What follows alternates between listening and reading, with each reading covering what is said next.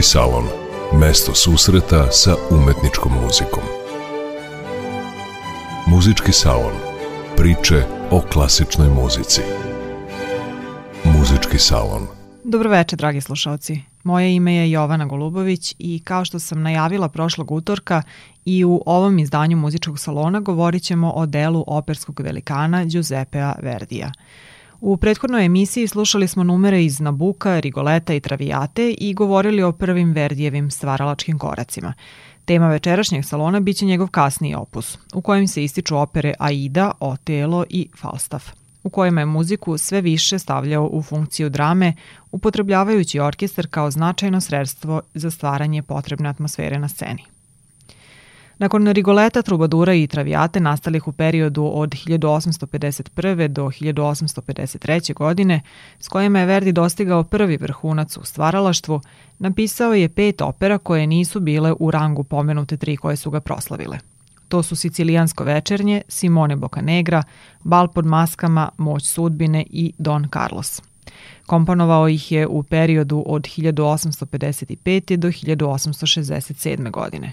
U to vreme ozvaničio je i svoju drugu ljubav, dugogodišnju vezu s pevačicom Giuseppinom Streponi, s kojom je sarađivao još od svoje prve opere, Oberto Grofod San Bonifacija.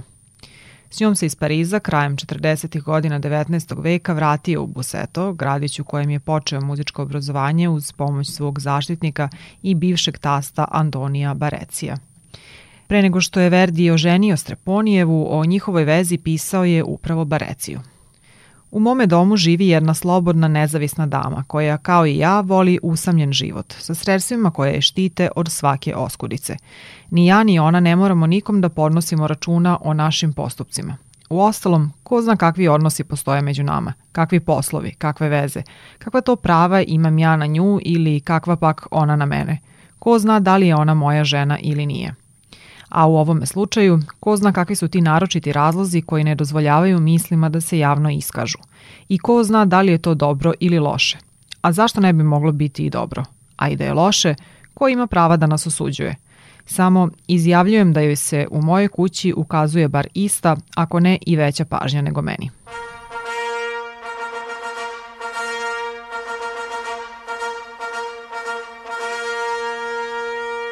Godine 1870. Verdi je dobio poručbinu od vice kralja Egipta, Izmael Paše, da napiše prigodnu operu za svečano otvaranje Suetskog kanala, te komponuje Aidu, čija se radnja odigrava u vreme faraona.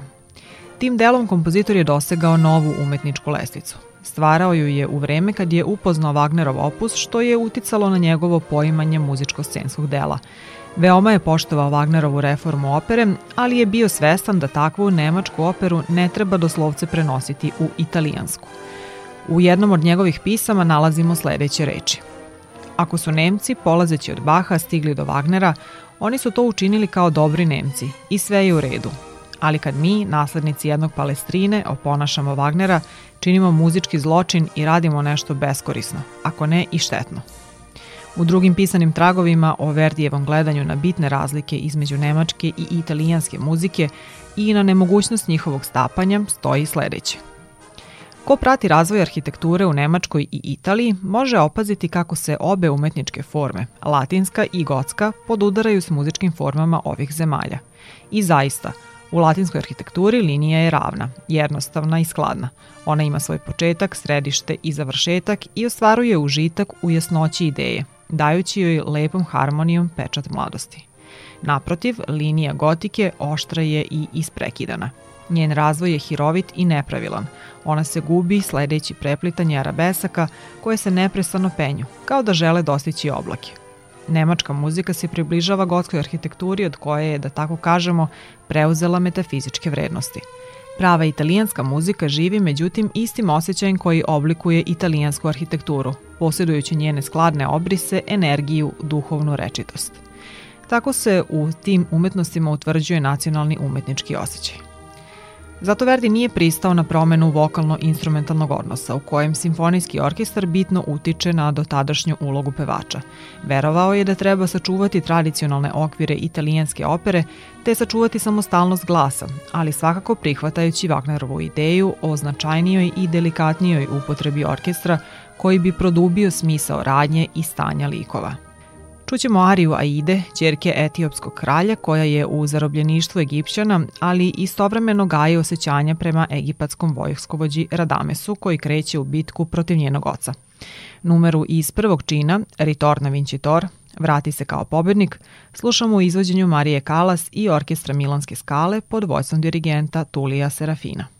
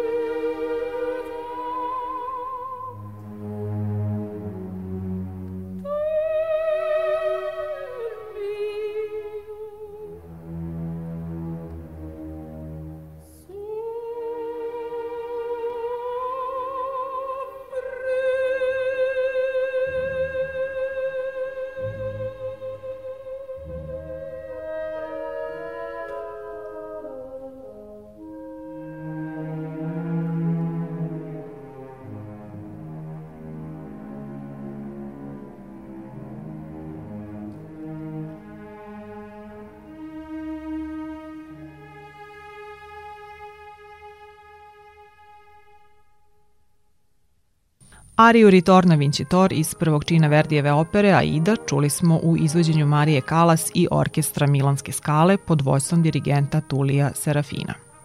U njoj su izražena oprečna Aidina osjećanja prema ocu i domovini Etiopiji s jedne strane i egipatskom ratniku Radamesu koji ne zna za njeno kraljevsko poreklo sa druge, a kreće u bitku protiv Etiopljana koji su došli da izbave Aidu iz ropstva.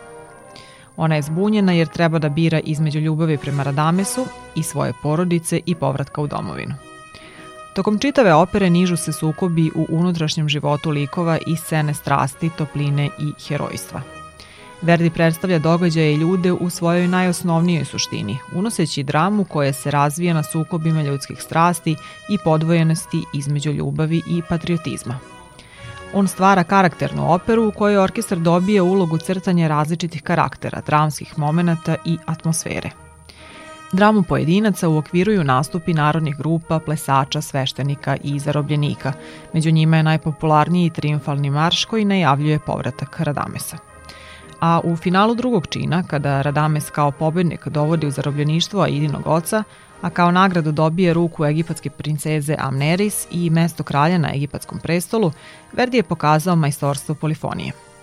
Deo finala čućemo u izvođenju Fiorence Čedolins, Vittoria Vitelija, Valtera Frakara, Dolore Zaik, Karla Striulija, Đakoma Prestije i hora i orkestra Napolskog teatra San Carlo pod dirigentskom palicom Daniela Orena.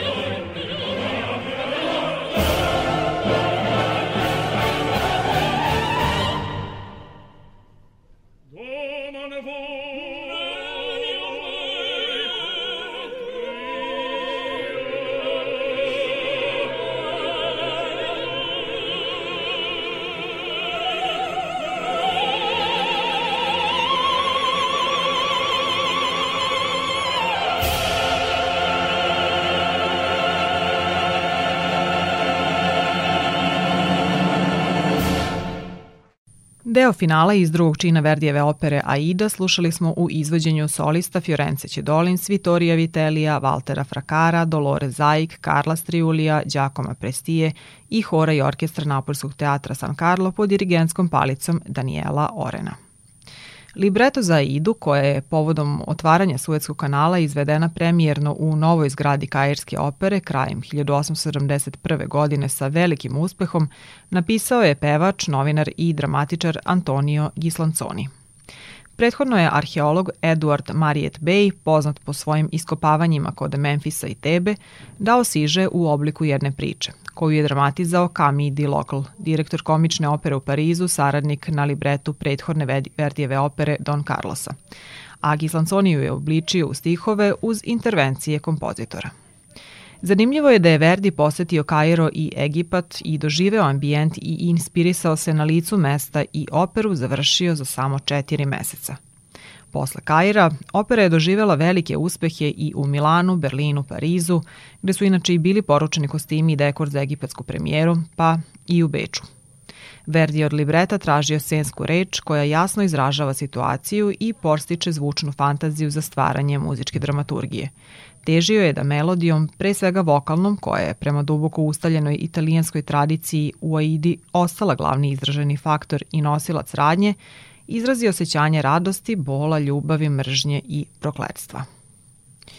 Posle Aide Verdi nije napisao operu gotovo 16 godina. Mislilo se da je veliki maestro već odavno star, definitivno napustio stvaralački rad i da je za njega došlo vreme da bude jedan od onih staraca za koje je pesnik Alessandro Manconi rekao da otvaraju svoju dušu čistim i nevinim mislima groba.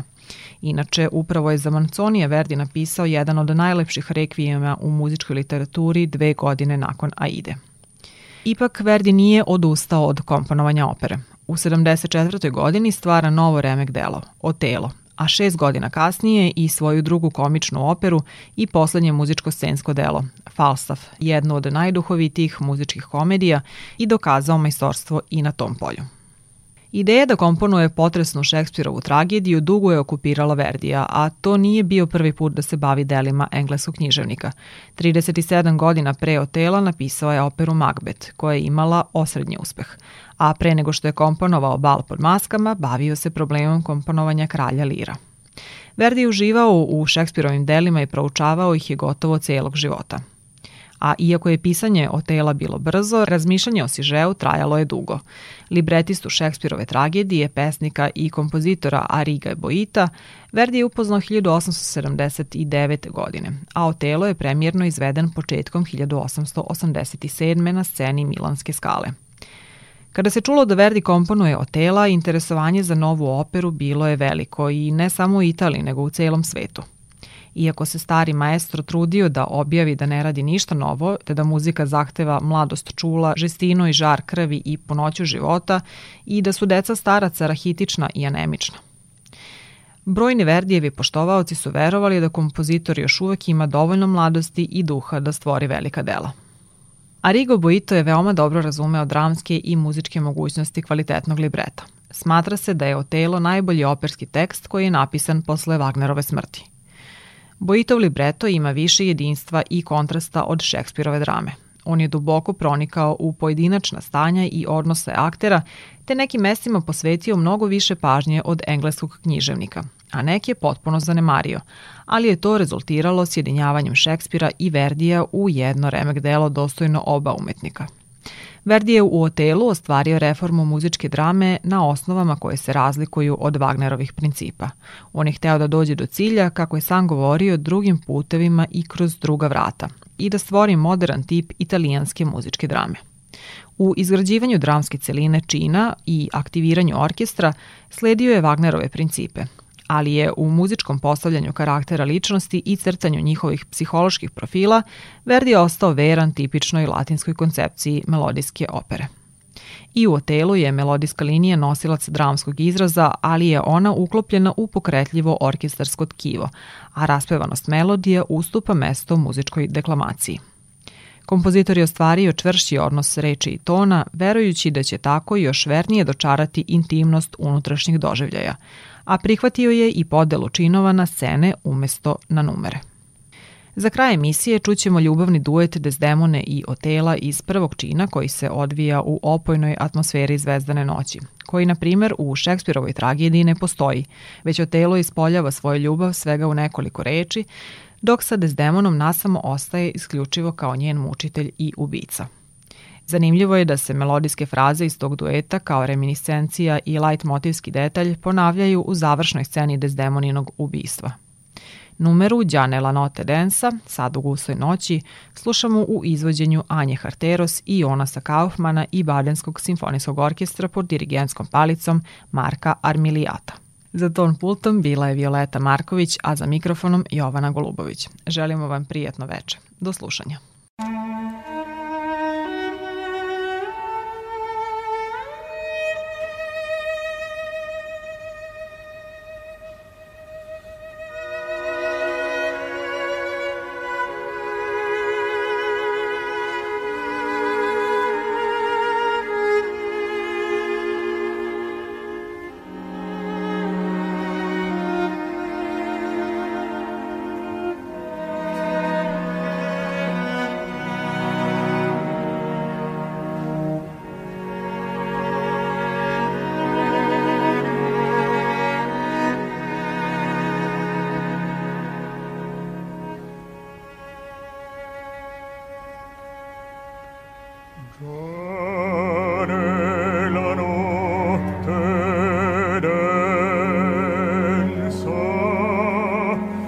Christ.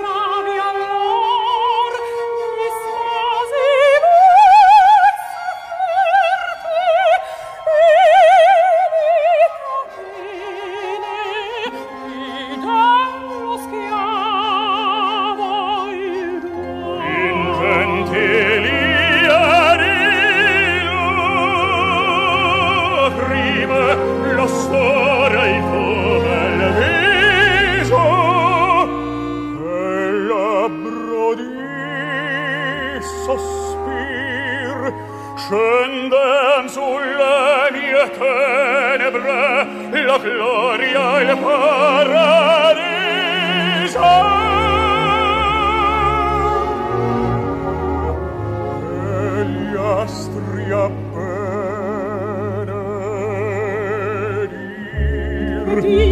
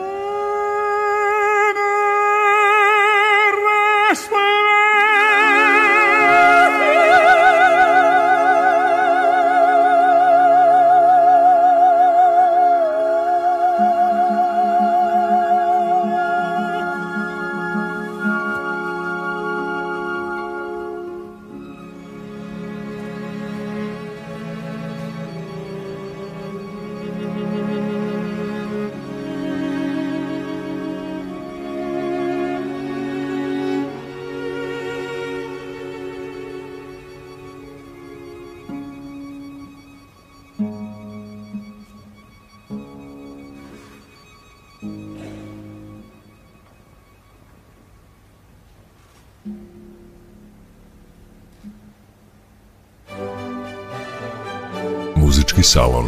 Mesto susreta sa umetničkom muzikom. Muzički salon. Priče o klasičnoj muzici. Muzički salon.